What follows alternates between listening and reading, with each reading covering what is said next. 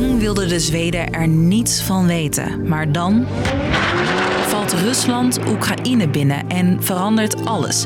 Het land wil lid worden van de NAVO. En na maanden wachten komt Zweden er nu bij. Grote tevredenheid en ook een historisch moment. Een lidmaatschap bij de NAVO. Wel meer landen willen dat. Ukraine is ready to be in NATO. Maar hoe kom je bij dit speciale bondgenootschap? Ik ben Frederik en ik neem je mee naar een van de meest gewilde clubs van het Westen, de NAVO. Lang verhaal kort. Een podcast van NOS op 3 en 3FM. In dit gebouw in Washington werd op 4 april 1949 door vertegenwoordigers van 12 westelijke landen het Atlantische Verdrag ondertekend. Het is vlak na de Tweede Wereldoorlog. De Sovjet-Unie heeft een wel heel sterk leger en Noord-Amerika en een aantal Europese landen maken zich zorgen om hun veiligheid. Ze komen met de Noord-Atlantische Verdragsorganisatie, de NAVO dus. Een militaire samenwerking met als slogan An attack against one would be an attack against all.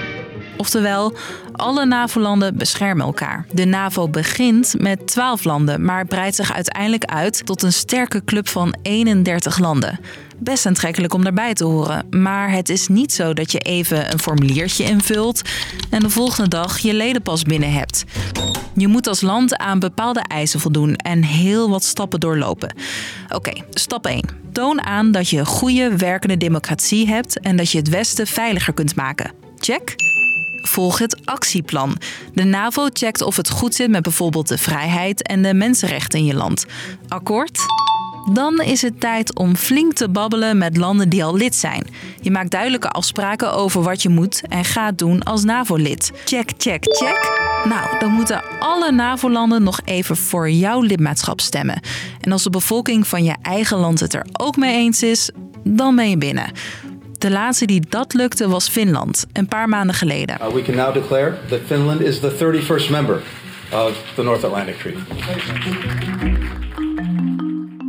Lid zijn van die NAVO-club, dat ziet Zweden eigenlijk ook wel zitten. En dat is best opvallend trouwens, want Zweden was altijd militair onafhankelijk.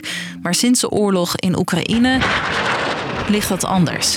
Zweden zegt: We hebben de steun nodig van andere landen om ons tegen de Russen te verdedigen. Maar niet alle NAVO-landen stemden daarmee in. De nummer 1 dwarsligger? Turkije. Volgens de Turkse president Erdogan zit in Zweden leden van de PKK. Dat is een terreurorganisatie die tegen de Turkse staat strijdt. Erdogan wil dat zij worden uitgeleverd aan Turkije. Lang leek er even geen beweging te komen in de onderhandelingen, tot nu. Je hoort Scandinavië-correspondent Rolien Creton. Nou, de belangrijkste toezegging van de Zweden is dat ze beloven... ja, we blijven in de toekomst uh, nauw samenwerken met Turkije... om terrorisme te bestrijden en PKK-leden in Zweden aan te pakken. En dus heeft Erdogan beloofd dat Zweden toch bij de NAVO mag. En er is nog een reden voor de ommezwaai, zegt mijn collega Gulşah Ersetin van de buitenlandredactie. Het gaat niet goed met de Turkse economie, dus toenadering tot de Europese Unie en het Westen is dan ook belangrijk. Ook voor Turkije een belangrijke deal dus. En hoe voelen ze zich in Zweden, Rolien? Grote tevredenheid en ook een historisch moment, omdat dit uh, het einde van 200 jaar neutraliteit betekent voor de Zweden. Of zoals de Zweedse president zelf zegt... Bra dag voor Sverige.